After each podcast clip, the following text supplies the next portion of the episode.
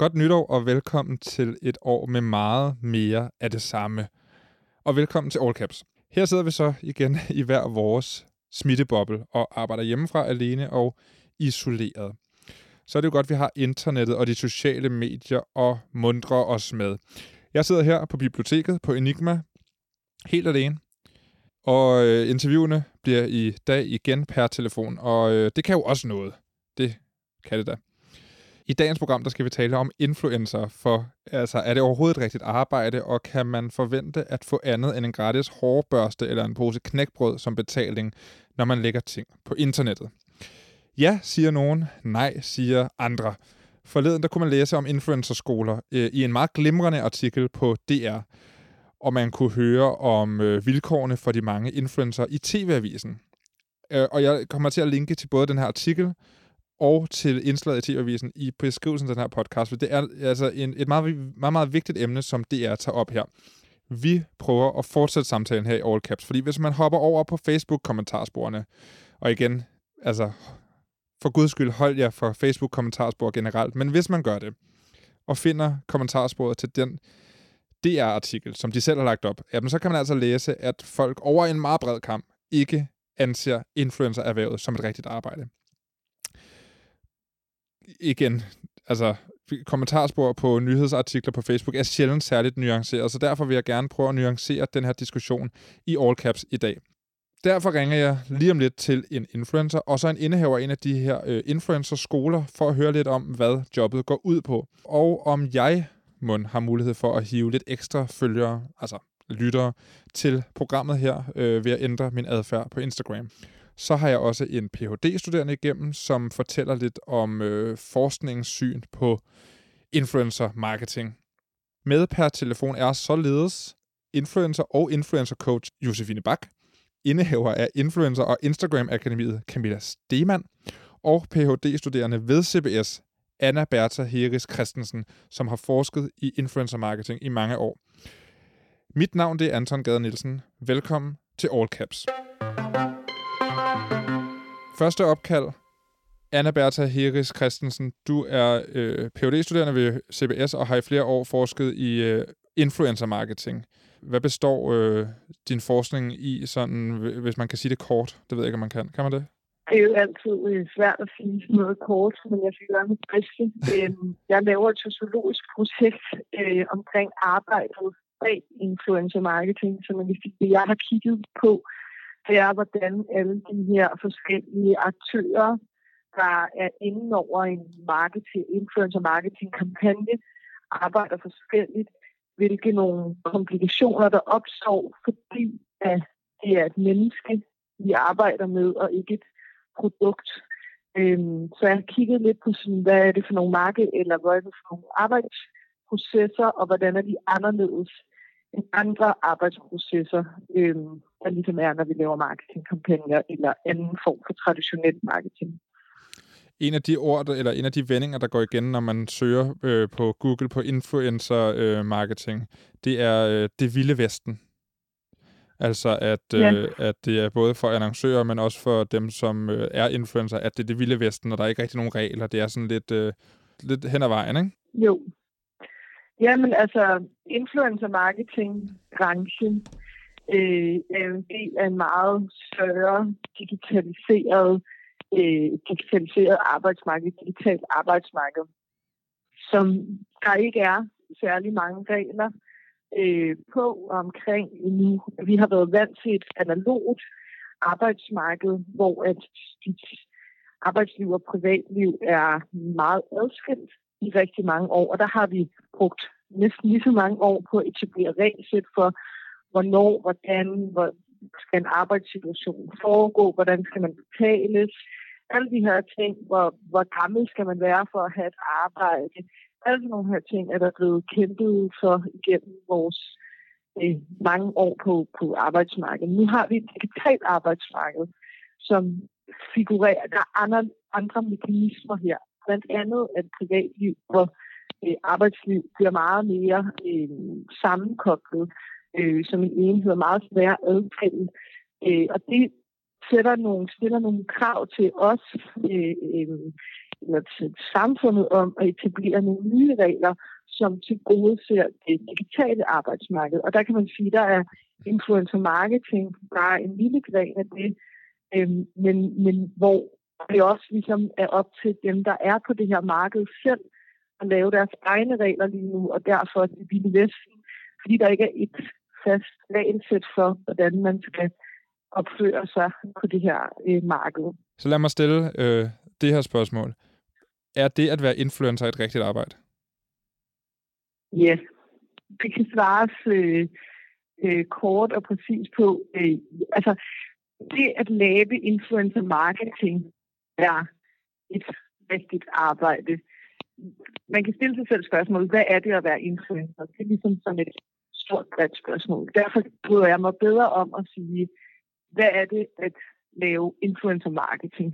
Og når vi sætter det at influere nogen i samme sætning som en som marketing, som er en kommersiel arbejdspraksis, så er det et rigtigt arbejde. Man udfører i samarbejde med andre aktører, herunder virksomheder, influencerbyråer, reklamebyråer og mediebyråer, som også udfører rigtig arbejde, og burde, burde være på lige fod med den her influencer, som arbejder som en lige aktør på det her marked. Og, når, og hvis man har et rigtigt arbejde, så skal man jo også have nogle gode arbejdsforhold. Hvem er det, der har, eller hvem bør have ansvaret for influencernes arbejdsforhold? Er det dem selv?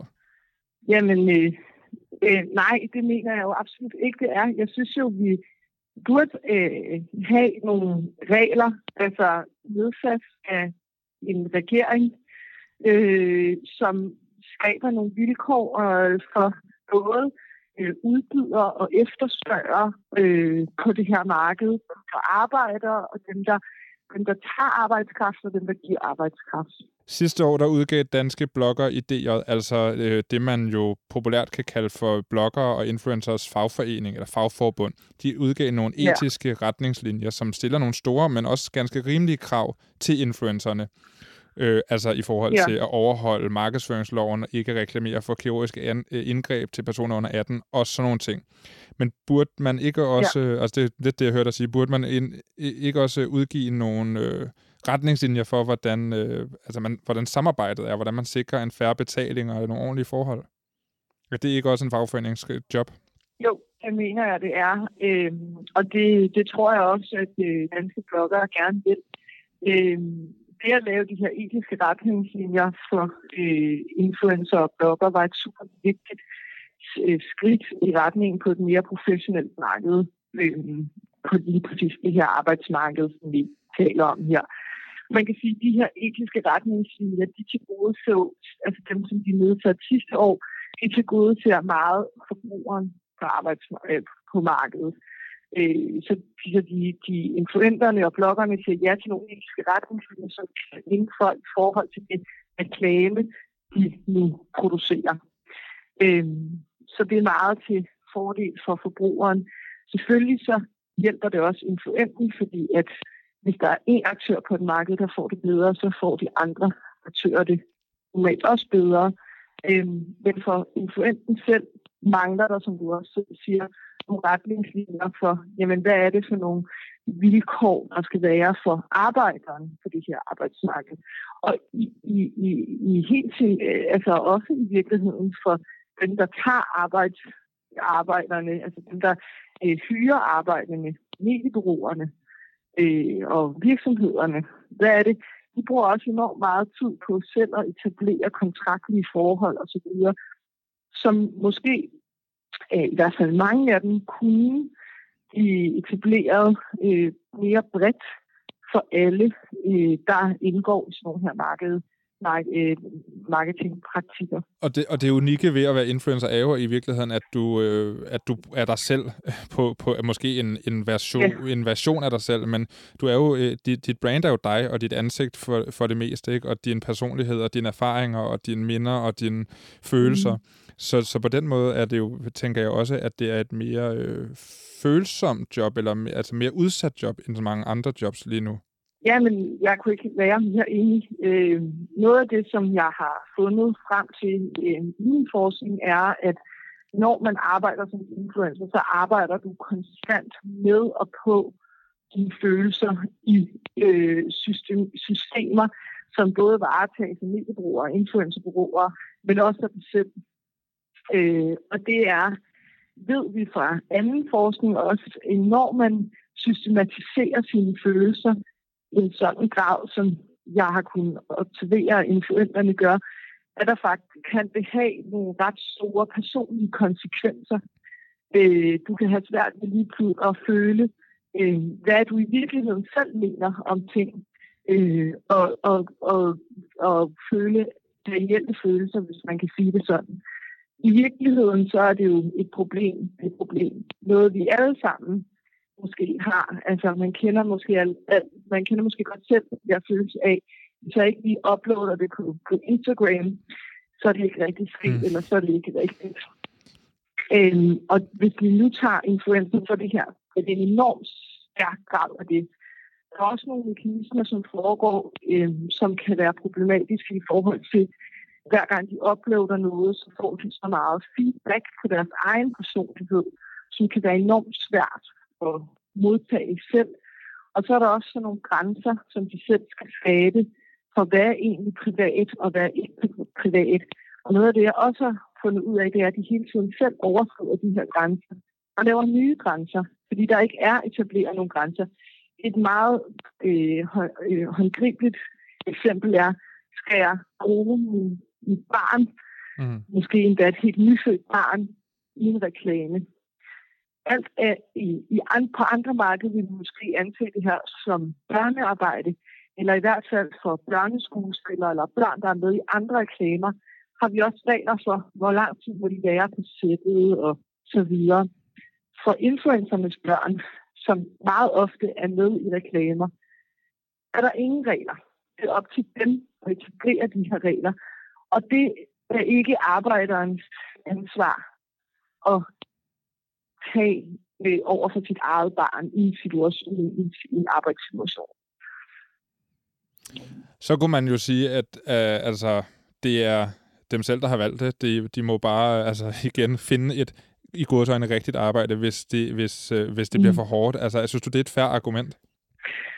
Vi har jo alle sammen selv øh, valgt, at vi laver, øh, og øh, vi kan jo alle sammen finde os noget andet at, at lave, hvis det er, at øh, øh, vi ikke bryder os om, hvad vi laver. Så, så det er i hvert fald et argument, jeg synes, det er et, et forkert argument at bruge i forhold til, om der skal være regler på arbejdsmarkedet. Mm. Øh, det synes jeg ikke rigtig øh, hænger sammen øh, med det argument, øh, fordi vi kan også, jeg kan også godt synes, at det, jeg laver, er, er ubehageligt eller dårligt, eller og så finde mig noget andet at lave. Men jeg har da en forventning om, at jeg har nogle rettigheder øh, på mit arbejdsmarked, uanset. Og hvis man har den holdning til, at et kapitalistiske system som det her i den grad drives af nu, og der er ikke rigtig nogen andre faktorer, der går ind og påvirker det. Øh, hvis det bare skal køre ud, uden nogen som helst rettigheder, så kan man, altså så har vi et, generelt stort problem i forhold til, at vi gerne vil etablere en mere digitalt arbejdsmarked. Altså vi er nødt til at begynde at se øh, på de her mere digitaliserede arbejdsmarkeder som en større enhed og sige, hvad er det for nogle ting, der er anderledes her? bør vi have nogle andre regler. Og nogle steder, ja, måske. Og hvordan skal de så være? Og nogle andre steder, der behøver vi måske ikke. Anna Bertha Heris Christensen, tusind tak, fordi du lige øh, gad at fortælle lidt om, hvad du har forsket i, og hvordan øh, det hele ser ud fra, øh, fra, sådan en for, fra forskningens øh, øh, synsvinkel. Tusind tak. Jamen, selv tak. Nu tager jeg lige telefonen op her, og så ringer jeg til Josefine Bak. To sekunder. Det er Josefine. Josefine Bak, du er influencer, og derudover så hjælper du andre influencer med at etablere gode samarbejder med virksomheder. Du har knap 45.000 følgere på Instagram og knap 34.000 på TikTok. Du har jo også været både på YouTube og haft en blog. Kan du ikke prøve at fortælle lidt om, øh, hvordan du startede dit, dit liv som influencer? Hvornår startede du, og hvorfor fik du lyst til at, at gå den vej? Jo, jamen det startede egentlig lidt tilbage for nu er det jo ved at være måske snart fem år siden, hvor jeg på daværende tidspunkt bare postede sådan helt normalt på Instagram Øhm, og egentlig brugt formatet lidt som de fleste nok gjorde på det tidspunkt, at man postede lidt fra ens hverdag og så videre.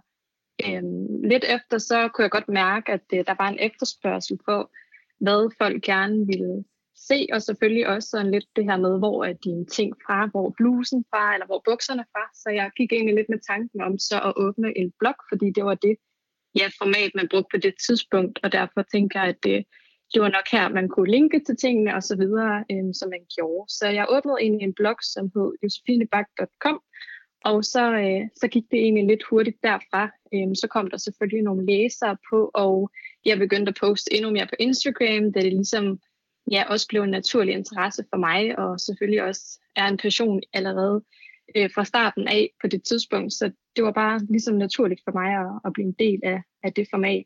Øhm, og jo, så havde jeg også en YouTube-profil, eller har en YouTube-kanal, hedder det så. Øhm, men det er ikke noget, jeg sådan rigtig bruger det format. Det er lidt noget anderledes, synes jeg i hvert fald, at skulle tage billeder. Øhm, det er mm. noget mere krævende på en anden måde, og nok også noget, som ikke altså, ligger så lige så tæt om den passion, jeg har med billeder og kreativiteten derhen af. Og hvilken slags influencer vil du sige, du selv er? Hvad for en slags billeder lægger du op, og hvad er det for nogle mennesker, der følger dig? Jamen, altså det, jeg egentlig lægger op lige nu, øh, det er PT, fashions og outfits, øh, og selvfølgelig også en del bare livsstil og de her hverdagsglimt, som man ser på min profil. Øh, det har været lidt blandet, hvad jeg egentlig i starten, der var det meget bredt, det jeg lagde op. Der lagde jeg bare op, hvad jeg tænkte sådan i løbet af dagen. Så kom det lidt mere til at være en, hvad man kan kalde en rejseprofil, fordi jeg var meget ude at rejse, og jeg egentlig gerne ville have besøgt en hel masse destinationer. Det blev der også sat en stopper for her i 2020. Øhm, øv, øv, men øh, sådan er det selvfølgelig. Øh, så nu øh, er det lidt mere fashion-relateret 100%, hvor at det bare er outfits, jeg skyder. Øhm, og jeg prøver at dele noget inspiration på den måde dem, der sådan følger med, det, ja, det er nok mest kvinder selvfølgelig, og, og unge piger i alderen fra 18 til 25, øh, deromkring, ja. Og dem, der følger med, hvad, hvad får de ud af at følge dig? Hvad synes du, du bidrager med? Man kan sige først og fremmest, at jo nok den her inspiration, som mange søger til outfits, øhm, og ellers så nok også bare en positivitet i form af, af hverdagen. Det er sjældent, jeg deler måske lidt mere negative stunder, og det er selvfølgelig også noget, der nogle gange bliver efterspurgt, det her med, kan du ikke vise lidt mere, når at øh, dit liv ikke går så godt, eller hvordan man kan forklare det. Og det er jo ikke, fordi mit liv øh, er meget bedre end alle andres. Mit liv er jo ganske normalt. Øh, jeg har bare ikke valgt at være en af dem, som deler de her lidt mere øh, alvorlige eller personlige emner. Der er det nok mere sådan lidt positiv og med mange smil og så videre, som øh, jeg gerne vil bidrage med i hvert fald. Men, men man kan jo ikke, øh, altså man kan jo ikke leve af bare at lægge billeder på Instagram. Man skal jo også have fat i nogle samarbejder, og det er jo lidt der, vi kommer ind på den her snak om, jamen er det at være influencer et rigtigt arbejde? Kan man leve af det, og har det en berettigelse? Og det lyder på dig, som om at du synes, at du giver øh, dem, der følger dig, noget værdi. Men hvordan øh, får du selv penge? Kan du huske det første betalte samarbejde, du lavede? Ja, det kan jeg godt. og det er nok også, altså jeg kan også huske det første samarbejde, jeg havde, hvor jeg bare fik produkter, øh, hvis man kan sige det sådan. Fordi i starten, når man starter som influencer, især der for fem år siden, der havde jeg ingen idé om, at det her det var noget, jeg nogensinde kunne komme til at tjene penge på. Øh, så det var jo noget, jeg egentlig gjorde af ren passion, og ikke for at se en forretning i det. Øh, så kan jeg selvfølgelig godt huske, da jeg ligesom bliver del af, på daværende tidspunkt, et agency, som lige pludselig begynder at skaffe de her betalende kampagner til mig, hvor det egentlig går op for mig, at der er mere i det her end bare produkter. Øhm, og så tror jeg, som selvfølgelig også, at jeg blev lidt ældre og så videre, at den her forretningsdel for mig, den tog rigtig meget fat i mig, eller hvad man kan sige. Jeg synes virkelig, det var det, der var spændende at se, hvad jeg kunne få ud af det her, hvilket også øh, ligesom blev betydningen for, jeg, for mig, at jeg valgte at være min egen agent, hvis man kan sige det sådan, i stedet for at have et agency på, som hjalp mig med den del. Så jeg tog ligesom den her kommercielle del over selv, og begyndte egentlig at søge efter samarbejdspartnere, som jeg synes matchede min forretning rigtig godt, eller min profil. Øhm, hvilket også er rigtig vigtigt for mig, at jeg ikke bare vælger at samarbejde med hvem som helst. Det skal helst være nogen, der matcher min profil, men også den målgruppe, jeg selvfølgelig øh, eller sælger til og kommer ud til på min profil. Øh, så det er sådan lige det, øh, jeg gør nu, og selvfølgelig er det forskelligt også, øh, hvordan jeg finder de her samarbejdspartnere. Nogle kommer i mailboksen af dem selv, eller over Instagram DM's, øh, men der er selvfølgelig også en rigtig meget opsøgende salg i det, helt bestemt. Har du været i nogle situationer, hvor du føler, at du er blevet røvrendt, eller at, der, at dit arbejde er blevet undervurderet? Helt bestemt. det er også øh, selvfølgelig en af de her problematikker, det er jo, at det er rigtig svært at nogle gange få virksomheder øh, til at forstå, at det her jo er et rigtigt arbejde, som det er i min optik. Og det er jo, fordi jeg er jo med til at skabe den her brand awareness omkring deres brand, og så er jeg selvfølgelig også med forhåbentlig til at bidrage til nogle salg. Man kan jo aldrig nogensinde gå hen og måle 100% på, om øh, man får nogle salg, inden samarbejdet det kører. Men det er i hvert fald altid øh, muligt at måle på, om man får noget brand awareness, hvis man tjekker op på den influencer, man samarbejder med. Derfor ved jeg jo også, at jeg har en form for værdi for de virksomheder, der vælger at, at blive reklameret for på min profil. Så det er selvfølgelig rigtig vigtigt for mig, at jeg ikke bare bliver tilbudt produkter og tager imod det, for det kan aldrig nogensinde øh, blive en sammenhængende forretning hos mig. Så det vil ikke rigtig give mening for mig i hvert fald. Hvad, er det gode, hvad, hvad vil du så sige, det gode samarbejde, den gode øh, løn vil være for dig? Den gode løn for mig er helt klart, når der er aftalt et fast honorar, øh, og ikke når der er gavekort, produkter eller øh, affiliate øh, marketing involveret. Øh, og det er simpelthen fordi, jeg mener, at det skal øh, være lige så øh, betalende for en influencer, som det skal være for virksomheden. Og dermed, der mener jeg, at der skal et fast honorar til. Øh, skal det være, at man skulle gå hen og sige, hvis man skal finde en god aftale mellem begge parter, så kunne man altid sætte et fast honorar, øh, som er lidt mindre, men så en affiliate procent dernæst, så man ligesom kombinerer de to muligheder for at lave et samarbejde. Og bare lige for at skære det ud i pap, den her affiliate procent, øh, det er, at når der er nogen, der køber igennem en rabatkode, som, som for eksempel kunne hedde Josefine Bak, så får du en eller anden procent af det. Er det sådan? Lige præcis, ja. Det er en procentdel af salget, man får for det samarbejde, man så laver, og de salg, man kan få genereret til virksomheden. Og nu, nu har der jo været den her historie, blandt andet i TV-avisen her den anden dag, og på DR.dk, om influencer, som ikke synes, de får den betaling, som de bør have. Og det kan jo blandt andet være, øh, at de bliver tilbudt øh, shampoo, eller knækbrød, eller gavekort, som du selv nævner. ja. men, men jeg synes bare, altså influencerbranchen øh, er jo ikke ny. Og, og jeg synes, vi har haft den her diskussion mange gange. Altså, kan det virkelig passe, at det stadigvæk er på den her måde, eller ser vi, at det bliver nemmere for jer at få øh, nogle penge for det, I laver? Altså, jeg tror lidt, der er to sider af den her sag, fordi en ting er, at det, at det kunne være blevet nemmere på nogle punkter, fordi mange virksomheder selvfølgelig vælger at, at bruge de her influencers marketingstrategier lidt lidt tættere i deres øh, virksomhed nu end før, så de har måske lidt mere viden om, hvad er det egentlig værdien af influencer er, og hvordan kan vi tilbyde dem en betaling. Så der er nogen, der har sådan en hel afdeling til den del nu. Øhm, men der er også lidt den del med, at der selvfølgelig kommer flere og flere influencer på markedet, som gør, at der er rigtig mange, som lige pludselig faktisk har bygget en profil op, uden egentlig at, at overveje, at det her det kunne være en forretning, som så ender med at, at sige ja til alle de her gratis produkter, og hvis en rigtig mange store profiler bliver ved med at sige ja til gratis produkter, så er det klart, at det ødelægger lidt branchen for de resterende, som selvfølgelig prøver at gøre det til en forretning, hvor man skal have en betaling for sit indhold. Så jeg tror lige så meget som, at det er udvidshed hos øh, virksomhederne, så er det også ligesom os, der er i branchen, der ødelægger det for hinanden øh, ned ad vejen. Så det du siger i virkeligheden er, at der er mange, der begynder at underbyde øh, sig selv i bund og grund? Helt bestemt. Jeg tror også, det er jo lidt den her problematik, med man heller ikke ved som influencer, hvad man kan kræve, og, og hvad man kan tage af betaling, og hvornår man kan tage betaling osv. Øhm, det er nok den usikkerhed, der ligger omkring det, og nok også fordi, at virksomheder bliver lidt set som den stærke part i sådan en dialog, fordi man bare er et individ, der sidder og måske aldrig har haft en forretning før, eller ved noget om forhandlingsstrategi eller noget som helst. Så man kommer hurtigt til at, ja, at blive påvirket af den vej, som virksomheden gerne vil. Og, øh, og nu, nu øh, coacher du jo i virkeligheden selv folk, der gerne vil sådan lidt bredere ud, eller have lidt mere vind i sejlene på Instagram eller på deres blog, altså som influencer. Og på din hjemmeside, der skriver du, at øh, dit mål er at coache folk til at se deres hobby som en forretning. Hvad mener du egentlig ja. med det der med at se sin hobby som en forretning? Fordi det er jo i virkeligheden, det tror jeg, der er hovedet på søm, at der er mange, der ser det her som en hobby, og man ikke nødvendigvis kan forvente at tjene penge på sin hobby. Så derfor skal du i øvrigt også få et rigtigt arbejde. Lige præcis. Øhm, man kan sige, lige det her citat, det jeg har valgt, fordi det selvfølgelig fra starten af var en hobby for mig, da jeg slet ikke havde nogen idé om, at det her det var noget, jeg kom til at leve af eller tjene penge på på det daværende tidspunkt, da jeg startede. Så jeg synes, det var genialt ligesom at kalde det det her, for det var det, jeg tænkte, og lige så snart jeg begyndte at indse, at det her det kunne være en forretning, og ligesom sætte mig lidt mere ind i tingene i form af, hvilket brand er det egentlig, jeg har, og har jeg en niche, jeg er interesseret i at arbejde med, og alle de her ting, så begyndte det også at give meget mere mening for mig, og forretningsdelen tog meget mere fat i det.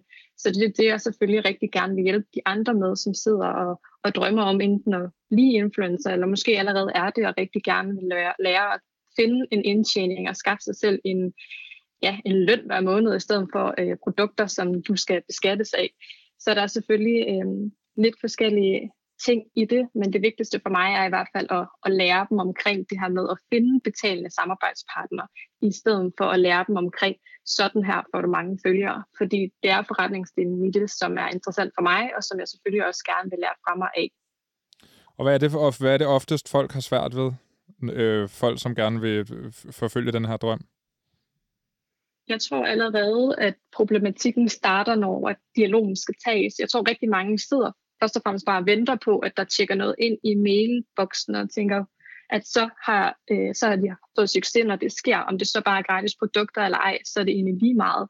Øhm, for der er rigtig mange, jeg snakker med, som ingen idé om har, at de faktisk skal ud og tage fat i samarbejdspartnerne selv, og selv lave de her opsøgende salg, fordi det, det vil være meget øh, tomt, hvis man bare skulle sidde og vente, for der er mange influencer ombud, så det er kun enkelte, der selvfølgelig får tilbud hver eneste dag, som giver mening i sidste ende også.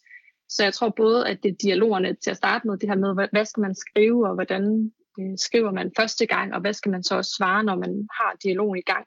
Øhm, og så når det kommer til det helt øh, specifikke omkring forhandling, jamen hvis man så bliver tilbudt, tilbudt nogle produkter, hvordan kan man så få hævet det over, så det bliver en betaling i stedet for. Øh, hvad skriver man der? Hvad kan man dokumentere sin værdi med? Og selvfølgelig også, øh, hvad er det så helt specifikt for nogle beløb, vi taler om? Så det er sådan lidt forskellige problematikker undervejs, tænker jeg. Men jeg tror, at der er rigtig mange, der tænker, at når man er øh, en, der lægger ting op på Instagram, så er det bare det her med, at man lægger nogle ting op på Instagram, nogle billeder, nogle flotte filtre, og så bum, så kører det. Og det er jo i virkeligheden, altså ude, set udefra, en meget, meget nem ting. Ikke? Altså, at, hvor, hvor lang tid bruger du, når du får et, et betalt samarbejde med nogen, hvor lang tid bruger du så på at øh, tilrettelægge en kampagne for dem? Mm, altså det er igen meget forskelligt. Det kommer lidt an på, hvad kampagnen selvfølgelig indeholder, for det er klart, at er det et enkelt post og, og nogle stories, så er det ikke lige så omfattende, som hvis det er nogle, nu er der jo det her nye, nye format IG Reels, men også lidt mere videoformatet omkring det, eller er det flere posts i løbet af en måned, eller hvad er, hvad er kampagnens udgangspunkt sådan fra starten af. Øh, men man kan sige, at det hele det bunder jo i grund af, at man selvfølgelig skal have planlagt, hvad er budskabet med den her kampagne, hvad er det virksomheden ønsker at komme ud med, øh, og hvordan kan man så formidle det her budskab bedst ud til den målgruppe, man har. Så først og fremmest er der jo den her planlægning af, hvordan skal billedet øh, tages, og hvad skal der indgå, og så er der selvfølgelig tekstskrivning bagefter. Øhm, jeg vil ikke sige, at, at at skulle tage et billede, det som sådan er mega omfattende osv. Det er selvfølgelig mere den kreative del i det, øh, at man også sørger for at lave noget, som virksomheden er interesseret i at købe mere bagefter, øh, som ligesom er den store del af det. Hvor, har du et bud på, hvorfor øh, folk har den her opfattelse af, at, Insta- at det at være Instagram eller influencer ikke er et rigtigt arbejde? Mm, det er nok svært at sige, hvad der lige gør, at øh, man ikke op, eller ser det som et rigtigt arbejde. Jeg tror nok, at det er fordi formatet stadigvæk er så nyt, og sociale medier er så nyt, at man tænker, at det er noget, vi alle sammen egentlig bruger. Så hvorfor er der nogen, der skulle sidde og have penge for at, at gøre det, eller poste noget på de sociale medier? Øhm, men jeg tror bare, det er også et misforstået koncept, altså især i, i Danmark, der er jo meget mere respekt for det, kan man sige, i hvert fald i sådan nogle lande som USA og måske endda også Sverige, som er rigtig langt fremme med influencer, før vi egentlig var det. Øhm, så jeg tror bare, der mangler den her måde at se, hvordan man egentlig er, ligesom et andet medie på. Øhm, det er jo ikke langt fra en tv-reklame eller en radioreklame, eller hvad end man kan finde på for at reklamere for sin virksomhed, så er det jo bare en ny form for reklame. Så selvfølgelig skal der også betales for det. Man betaler også for en artikel i, øh, i et nyhedsmagasin, øhm, selvom man jo ikke helt ved, hvad man egentlig får ud af det, før man øh, har prøvet det. Josefine Bak, tusind tak, fordi du gad at være med og fortælle lidt om dine erfaringer som influencer og coach for andre influencer. Jamen selv tak i hvert fald. Det var Josefine Bak, influencer og influencer coach med henholdsvis øh, 45.000 følgere på Instagram og 35.000 følgere på TikTok. Jeg linker til hendes profiler i beskrivelsen af podcasten, så man lige kan se, hvem hun er. Nu vil jeg ringe til Camilla Stigman, og øh, som sagt er hun altså selv tidligere influencer, men øh, derudover har hun arbejdet med kommunikationsrådgivning i adskillige år, og øh, er nu indehaver af Camilla Stigman og Co., som altså tilbyder kurser og rådgivning til influencer for, altså både for, hvordan de, øh, de brager igennem, men også øh, hvordan de tager kontakt til virksomheder og sådan noget. Det kommer her. Camilla Stemann, først og fremmest så vil jeg gerne lige høre, er det at være influencer et rigtigt arbejde? Og du må gerne svare helt kort. Det er det. Det er et rigtigt arbejde at være influencer. Det vil også overraske mig, hvis du sagde noget andet. Øh, i, her forleden, der medvirkede du i TV-avisen, øh, og du har også udtalt dig til en artikel på DR.dk om det at være influencer, og det om, at influencer bør få en ordentlig løn, og, fordi, de, fordi de arbejder med, og de produkter, de, de udvikler. Og, i, og den artikel, den er så efterfølgende blevet delt på DR Nyheders Facebook-side, og i kommentarsporet herunder, der kommer den almindelige dansker jo med sin mening. Sådan fungerer det på Facebook og i kommentarsporet på Facebook. Og ifølge den almindelige Facebook-dansker, så er det altså ikke et rigtigt arbejde, dem der øh, laver influencer-arbejde, og de burde i øvrigt få sig et rigtigt arbejde. Hvad siger du til det? Jamen altså, jeg ved jo godt, at opfattelsen er derude, og der er mange, der har den her fordom om influencers, så det er jo noget, jeg er vant til at høre. Men øh, jeg må også sige, for en gang skulle jeg blandede jeg mig faktisk virkelig i debatten, fordi jeg synes, det var vildt, at der var så mange, at det var så overvældende omkring det her med, hvordan man nærmest udskammede og skrev, at øh, sådan rigtigt det der med, få dig et ordentligt arbejde. Øhm, så jeg synes, det var lidt overvældende, at der er så mange, der ikke sætter sig ind i, hvad det er, en influencer laver, inden man udtaler sig omkring, at det ikke er et rigtigt arbejde.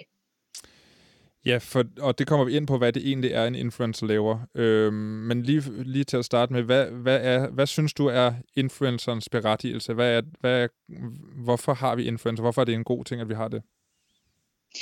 Det er det, fordi vi kan godt lide at kommunikere med mennesker frem for brands og logoer, og det er bare kun en tendens, som vi vil se vokse i fremtiden. Også inden for sociale medier generelt. Altså der vil vi også hellere tale med virksomhedens CEO, eller nogle af dem, der sidder ude i virksomheden, end selve det her brand, der siger vi, og man ved ikke rigtig, hvem der er bag skærmen. Og hos en influencer, der får du altså en, der er personlig og i øjenhøjde med sine følgere, og de kan vise de her glimt fra hverdagen, som man kan relatere til. Og de har, øh, det kan måske være et produkt, de viser frem på en anden måde, end vi normalt ser i en reklamefilm eller sådan et stokfoto. Øhm, altså en klassisk reklame generelt. ikke. Og så øh, kan influencers virkelig skabe sådan et stort engagement og fællesskabsfølelse omkring en interesse eller et emne. Og, øh, og det er noget, som virksomheder rigtig gerne vil købe ind på, for de vil også gerne skabe engagement omkring deres produkter, skabe fællesskabsfølelser, lave communities. Og influencer er helt vildt gode til at skabe communities. Og så vil jeg, vil jeg altså også samtidig sige, at øh, influencers virkelig har været med til at bryde rigtig, rigtig mange tabuer. Altså lige fra spontane aborter, spiseforstyrrelser, ensomhed, skilsmisse, død og sorg. Og alle de her ting, som der er mange, der ligesom har manglet et fællesskab omkring, eller hvor de, man tit går med et eller andet, man føler sig alene med. Så kan man finde blogindlæg om det her, man kan se nogen, der deler ud på Instagram med netop nogle af de her svære emner også. Og det er jo også lidt paradoxalt, fordi er der noget influencer marketing og Instagram og sådan noget er blevet beskyldt for, så er det, at det er det her glansbillede og det polerede liv. Men der er virkelig, virkelig mange, der også giver rigtig meget af dem selv, og også skal lægge øre til rigtig meget, fordi de deler ud af deres privatliv, de deler ud af alle mulige tanker, og altså, det der med, det ved vi jo alle sammen, vi har jo nogle tanker nogle gange, som, nogen, som vi bare siger højt, fordi vi er ærlige, men vi ved også godt, at vi måske kan få rimelig meget kritik for det, fordi nogle gange er ærligheden ikke en, der bør komme ud i verden.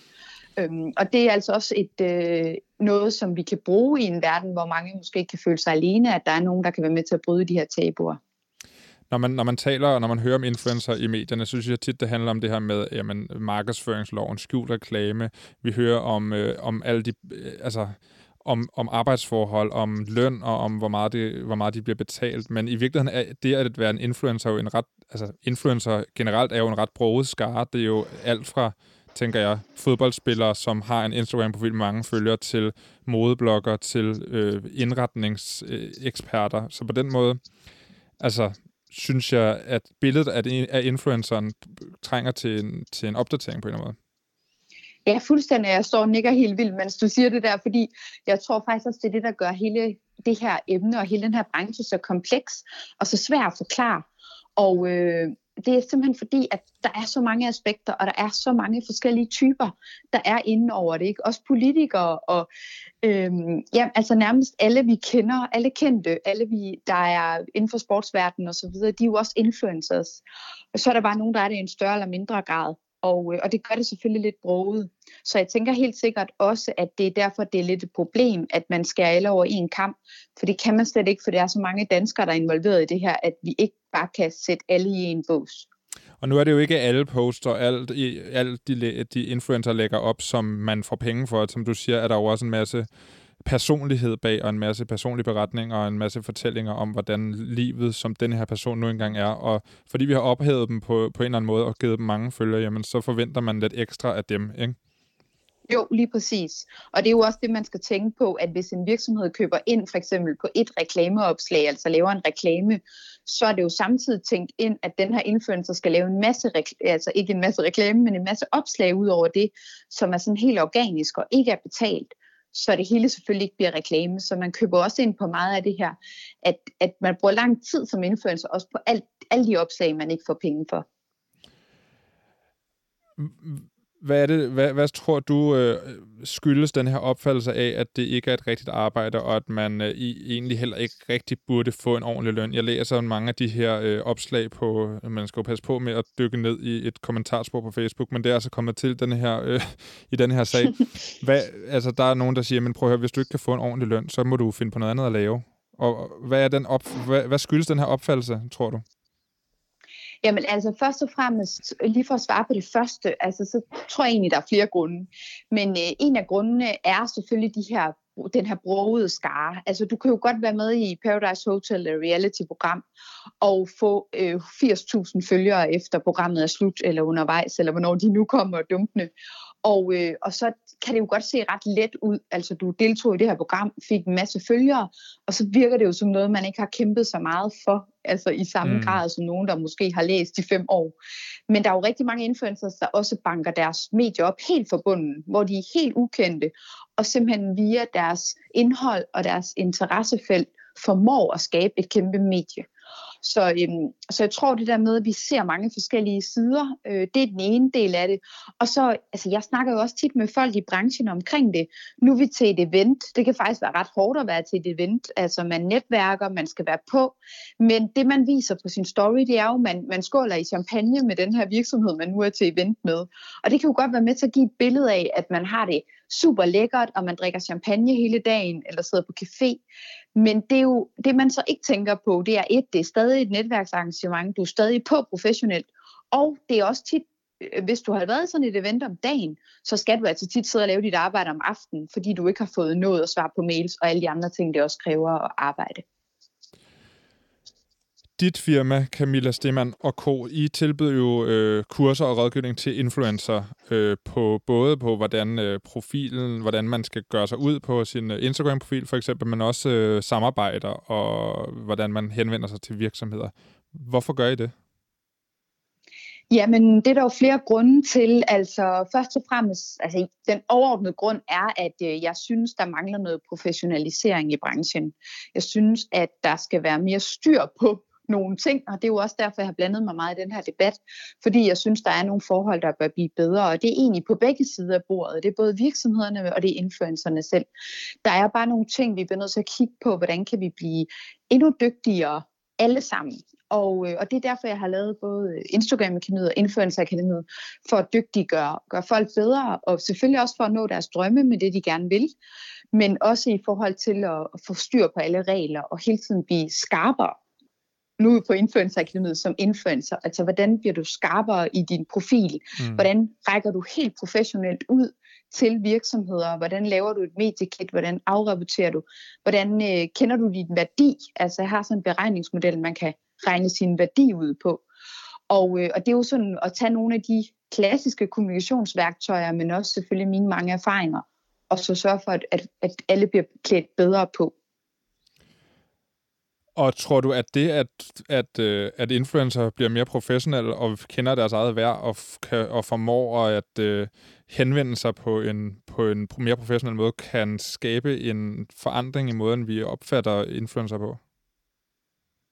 Altså, jeg tror overordnet set er jeg glad for den her debat, for jeg tror, vi skal have en debat på mere sådan national plan omkring influencers, så det ikke bliver misforstået i samme grad.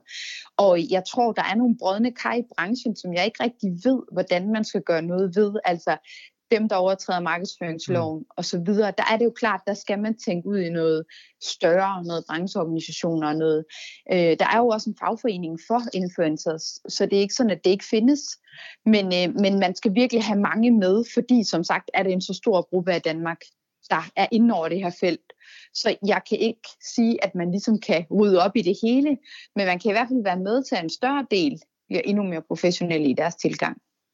Nu er jeg jo ikke selv influencer, men altså, jeg har da en Instagram-profil, som de fleste her i landet jo har. Øh, og så har jeg jo det her radioprogram, som handler om sociale medier og internettendenser. Og altså, øh, man ville måske godt kunne se det her radioprogram som min lille lydblok, og, og, og, og altså, så må jeg jo krybe til kors og sige, at fordi, eller ikke fordi, vi er jo på Radio Loud, og Loud har jo altså notorisk ikke særlig mange lyttere, men, eller følgere for den sags skyld. Øh, så kan vi ikke lige prøve at kigge lidt på min profil, og sådan helt generelt se, hvad vil jeg kunne gøre bedre for at stå skarpere, og måske tiltrække mig mere opmærksomhed, og på den måde måske få flere lyttere til all caps, min blog i det her tilfælde, og Loud generelt. Hvad vil jeg, hvad vil jeg skulle gøre? Jeg har bedt dig om at kigge på min Instagram-profil, fordi det er ligesom det, jeg har, der, der ligesom ligger derude på, på nettet, ikke? Jo, helt sikkert. Øhm, og det er jo øh, netop sådan det, der er vigtigt, og det er også noget af det, vi har talt om, det der med, jo mere man kan fjerne støj på Instagram, jo bedre. Mm. Jo mere du træder frem, og man tydeligt kan se, hvad er det for noget, du repræsenterer. Og, øh, og jeg må sige, at jeg startede med at kigge på dine stories, og der begyndte jeg faktisk at grine over begge dine stories, fordi de var sjove. Så der så jeg egentlig lidt sådan fra start som en øh, humørfuld, sjov øh, profil. Og, øh, og den tænker jeg faktisk, den kunne der godt være noget potentiale i, men det giver ikke lige så meget øh, mening for selve radioprogrammet her. Altså der vil jeg selvfølgelig mere, øh, for eksempel har du i første række på din Instagram-profil, der har du noget, hvor du sidder og klipper et program, mm. hvilket jo passer rigtig godt til det her. Øhm, og det der man lige, jeg tænker, når jeg ser din profil, det er, at du har sådan en klassisk, almind, ikke almindelig, men en klassisk Instagram-profil, som er personlig, altså som ikke er brugt professionelt. Og det er sådan en, hvor man både deler lidt fra familielivet, lidt fra arbejdet, lidt fra, øh, hvad man har været ude at spise, og alle de her forskellige ting, hvor det er sådan mange, alt muligt. Ikke? Mm. Og øhm, og det man så for eksempel kunne gøre på dit, det var, at du øh, var lidt mere hardcore omkring, hvad der er i studiet, lidt om, om gæsterne, der er med det vil være rigtig fedt også med nogle, øh, nogle øh, billeder. Ja, nu, det lyder mærkeligt, men opslag er det nærmere. Opslag med tekst på, altså hvor du for eksempel havde nogle citater fra radioprogrammet, hvor du ligesom havde nogle quotes, man kunne gemme, og sådan, hvor man ligesom satte nogle debatter i gang med noget af indholdet fra radioen. Så det vil være sådan helt oplagt måde. Altså du kunne være den, jeg kalder eksperten inden for Instagram. Altså vi har sådan en ekspert, der er jo seks forskellige storytelling-typer på Instagram, og du vil jo helt sikkert godt kunne gå ind i eksperten og ligesom bare nørde sociale medier 100% og radioprogrammet og gå all in på den der. Men også tænke i selvfølgelig, hvordan kan jeg lave nogle opslag, som folk vil dele og gemme i forhold til for eksempel citater eller quotes. For eksempel, når jeg nu var med i dag i programmet, og du så lavede et citat, hvor der stod noget, jeg havde sagt, så var der også større chance for, at jeg ville dele det. Så hvis du kunne bruge det, du kunne også gå over i community fællesskabsprofilen, for du kunne godt få alle dine deltagere til at dele noget mere af din profil og få dem til at dele, hver gang de har været i programmet, at de ligesom deler på deres stories, måske deres feed. Så jeg vil anbefale den vej til dig, hvor du både var inddragende og fik andre med og inddrog alle dem, du har med i programmet, men samtidig viser lidt fra studiet og, og viser lidt omkring, hvad de enkelte programmer har handlet om. Det lyder også som om, at det her det er en lidt større manøvre, man skal ud i. Hvis, altså det, det handler virkelig meget om at gennemtænke, hvad det er, du poster så, fordi jeg kan godt se, at det her det er jo fuldstændig tilfældigt, hvad jeg har lagt op. Ja, og der er jo, det er jo det der med, at man skal faktisk, altså, og det er også der Instagram er så specielt, ikke? fordi man skal faktisk gå ind på din profil, og så skal man tænke, hvad handler den her om, uden man nærmest har læst noget i teksten. Så det er jo også noget, jeg øver folk meget i. Altså, vis din Instagram-profil til din øh, kæreste eller din ven, og sige, hvad tænker du på, når du ser den her profil? Og finde ud af, om det stemmer overens med det, du gerne vil være afsender af. Øhm, så det er jo selvfølgelig også kurateret, altså især når man skal sådan komme langt ud, og især når man er ukendt. Altså hvis du lige kom lige ud af Paradise Hotel, så vil det jo være nemt for dig at, at bare dele det, du gør nu, fordi folk vil være interesseret i din person, fordi de har set dig på tv, eller hvad det måtte være. Ikke?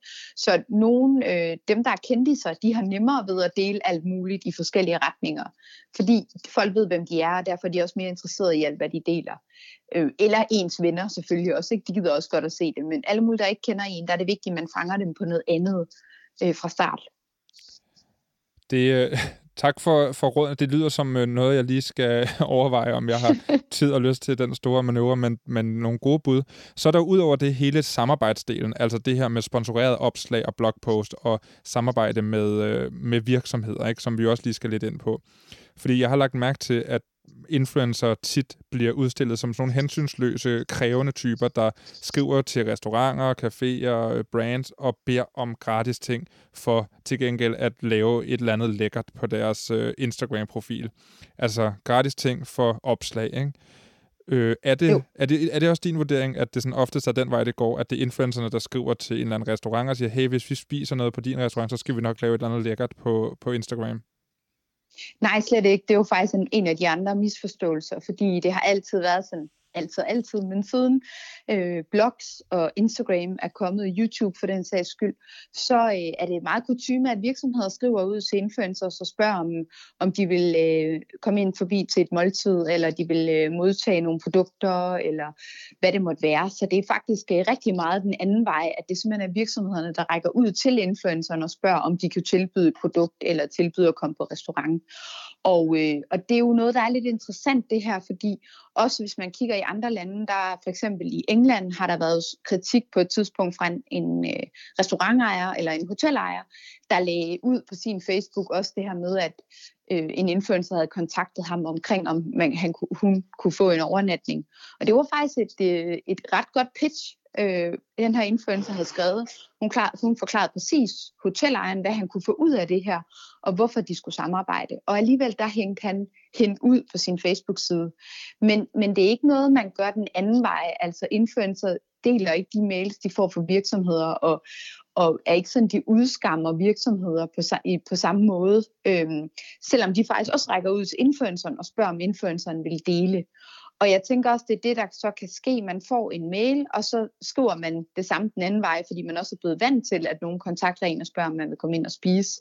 Og så er der selvfølgelig også nogen, der opdager, at jeg bliver nødt til at selv, eller føler, at de bliver nødt til at selv at række ud for, for at få nogle tilbud. Dem er der selvfølgelig også. Men det er helt normalt, at en virksomhed skriver til en influencer og spørger, om, om de kan tilbyde influenceren et eller andet til gengæld for et opslag. Øhm, det er helt normalt. Og du rådgiver jo øh, blandt andet i, hvordan man skaber den her gode relation og det gode samarbejde. Og hvorfor, altså, hvad er, det, hvad er det, der er vigtigt her? Hvorfor er det vigtigt, at der skal være et, et, en god relation og et godt samarbejde? Altså, det tænker jeg både er for virksomheden, men i særdeleshed også for influencerens skyld. Ja, altså jo mere man ligesom kender hinanden, begge parter, så jo mere føler man så også som, så, så føler man det som et samarbejde. Influenceren kan måske i højere grad føle sig som en del af virksomheden, hvis man kender hinanden lidt bedre. Så det er rigtig vigtigt det der med at, at have kendskab, og det er også derfor, jeg altid råder virksomheder til og virkelig øh, følge de influencer, de synes, der er interessante, som de overvejer at samarbejde med, lære dem at kende over længere tid, så de også ved, hvordan det samarbejde vil kunne udfolde sig, om det giver rigtig god mening, fordi man har de samme værdier og sådan nogle ting. Så jo tættere det der samarbejde er, jo, mere, øh, jo bedre bliver det også, og jo flere resultater kan man også skabe på sigt. Og så til sidst, så er der jo lønnen. Altså, det er jo det springende punkt, tænker jeg, at, at, at man får penge for det, man laver. Øhm, ja og ikke en, en pakke knækbrød, eller whatever det nu er, man kan blive tilbudt som influencer. Men, men man skal jo vel også starte et sted, tænker jeg. Altså, er det fair nok, at man bliver tilbudt produkter og gavekort, når man er sådan helt nyopstartet, eller skal, er vi nede på en mindsteløn her? Hvad, hvad tænker du der? Altså, jeg synes i hvert fald, man skal være klar over, hvad man er værd, og være klar over, at man skal betale skat af gavekort og produkter osv., inden man siger ja tak til betaling på den måde, for et arbejde. Men jeg synes, at vi skal ændre den her opfattelse af, at man kan betale folk med gavekort eller produkter. Fordi det passer slet ikke til den samfundsmodel, vi har. Det er ikke det, jeg synes, vi skal opdrage vores børn og unge til, at når du udfører et stykke arbejde, så skal du have et gavekort eller et produkt til gengæld. Så jeg synes sådan rent principielt, så synes jeg, at vi skal ændre den her måde at betale folk på. Det er ikke, øh, jeg forestiller mig ikke, at andre erhverv vil synes, det var normalt at få øh, Øh, selv hvis man var elev, hvor man også er i oplæring, så vil man heller ikke synes, det var okay, at man skulle betales i gavekort eller produkter for sin, øh, i stedet for elevløn. Så det der med at tænke det der med, at, man, at det er på vejen op, det synes jeg er en forkert måde at se det på, at, at man skal igennem gratis gaver og eller gaver, man skal betale skat af, og gavekort, man skal betale skat af, inden at man kommer op og kunne kan tage betaling for sit arbejde. Der vil jeg i stedet anbefale virk- øh, virksomhederne vil anbefale, at de laver PR-indsatser. Altså man kan fx som virksomhed skrive til en influencer, om man må sende ham hende en gave, og så er det op til influenceren, om han hun vil dele noget. Det er sådan en klassisk PR-indsats. Men det er, ikke den, det er ikke det samme som at skrive, hey, jeg sender dig et gavekort på 150 kroner. Til gengæld skal du dele på Instagram, du skal dele den og den dag, og det skal være den rabatkode. Det er jo en reel arbejdsindsats, som kræver rigtig meget, fordi man skal forberede sig, og man skal øh, lave hele indholdet. Ikke? Altså, det er jo samme indholdsarbejdsproces, som fotografer og journalister kender, selvom det selvfølgelig er et andet format. Men det er jo research og idégenerering, det er optagelse, det er redigering, det er analysering af resultater. Der er en masse ting, man skal lave i sådan et samarbejde. Så det er et reelt stykke arbejde, og det synes jeg, man skal have penge for. Og så talte jeg med Josefine Bak her lige før, som jo øh, selv er influencer, og hun øh, synes, at hun er begyndt at se, at altså influencer, der, at der er kommet så mange influencer, og der er relativt mange, også lidt mindre influencer, så markedet på en eller anden måde er begyndt at underbyde sig selv. Altså der er mange, der kommer til, fordi de ikke måske ved, hvad de selv er værd, eller fordi at det måske ikke er så vigtigt, at sige ja til nogle gavekort, eller nogle parfumer, eller hvad det nu end er. Og derfor underbyder markedet.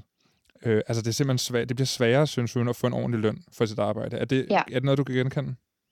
Ja, altså jeg synes, det er en af de store udfordringer, og det er også det, hele den her debat handler om, fordi øh, som sagt, hvis at man øh, som influencer er helt klar over sit, øh, sin værdi, og man ved, hvad det handler om, man betaler skat og så videre, så er man jo i princippet i sin fulde ret til at tage imod en gratis produkt eller gavekort, hvis man synes, det er den betaling, man vil have. Men der er også rigtig mange, der ikke kender så godt til branchen. For eksempel den her 18-årige gymnasieelev, der, øh, der lige har startet øh, en Instagram-profil, eller lige og lige, det er jo ikke noget, der lige sker, men over længere tid har arbejdet på den og har fået måske 2800 følgere, og ikke ved, hvad det her egentlig er værd, altså ikke måske kender digital marketing så godt, ikke ved, hvad hun er værd i virksomheds øjne, og øh, heller ikke ved, at hun skal betale skat af produkterne, og hun så siger ja, og det er jo også den person, jeg gerne vil nå ud til gennem det her, for også at øh, oplyse omkring, at øh, sætte, øh, altså råde de her personer til at sætte sig ind i det, måske forældrene endda, og sætte sig ind i, hvad er det egentlig, det her, den her Instagram-profil er værd, og er det øh, fair nok at betale af med et gavekort, eller de her øh, otte pakker knækbrød øh, som betaling. Camilla Stemann, tusind tak for din, øh, din råd til, hvordan jeg øh, bliver skarpere på Instagram, men også til ligesom at sætte os ind i, hvad det er problematikken omkring øh, arbejde for influencer, og den her løn er lige for tiden. Tusind tak for det. Selv tak. Tak fordi jeg måtte være med. Ja, det var øh, all caps for den her gang. Det skal lige til for en god ordens skyld sige, at jeg har altså adskillige gange forsøgt at få fat i... Øh, danske blogger i DJ, altså øh, det, som øh, populært sagt bliver kaldt for øh, bloggernes øh, fagforbund, fordi jeg gerne vil høre lidt om, jamen, hvad, hvad gør fagforbundet for blogger og influencer for at øh, imødekomme de her krav om bedre løn og sådan nogle ting. Men det, det, det har simpelthen ikke været muligt at få dem med på en telefon, og det øh, er jo en skam, fordi det kunne være virkelig interessant at høre dem. Jeg håber, at de øh, vender tilbage på et tidspunkt, og så kan de eventuelt komme til at være med i en, en senere udgave af All Caps. Vi sender jo fortsat og fortløbende, så, så der er masser af tid endnu. All Caps er produceret... Nej, vent lidt, jeg skal, jeg, jeg skal også lige komme med en anbefaling. Fordi selvom øh, det kun er mig, og øh, der ikke er andre gæster, øh, vi jeg sidder her helt alene, så skal jeg jo stadigvæk lige komme med en anbefaling, så I ikke går tomhændet herfra. Og jeg vil jo gerne anbefale, og det har jeg jo gerne ville længe. Tobias Rahim. Jeg fik ham på LP øh, her i julen af mine forældre, og altså, han er jo han er, han er min nye yndlingsmusiker. Han er musiker, øh, kunstner, artist. Øh, han, øh, han har lavet øh, en, en skive, men han er også virkelig aktiv på Instagram, og der, øh, der synes jeg, man skal gå ind og tjekke ham ud. Han har blandt andet lavet øh, en række installationer af en videoinstallation, tror jeg, jeg vil kalde det, som hedder øh, Nationalromantik. Det er altså en, øh, en meget poetisk øh, kortfilm, som, øh, som jeg synes, alle skal se. Og også selvom man ikke kender ham, så øh, gå ind og tjek, øh, tjek hans, hans ting ud. Det, øh, det kan noget. Jeg linker til øh, det, vi har talt om i dagens program i beskrivelsen til podcasten. Jeg linker til Tobias Rahim, jeg linker til DR-artiklen og DR-indslaget og en masse andre lækre ting. Så gå ind og tjek det ud. Øh, abonner på All Caps. Øh, ja. Tak fordi I lyttede med. Programmet er produceret på og af Enigma, Museum for Post, Tele Kommunikation. I redaktionen sidder Marie Høst, og jeg, jeg hedder Anton Gade Nielsen. Vi ses. Det gik jo glimrende.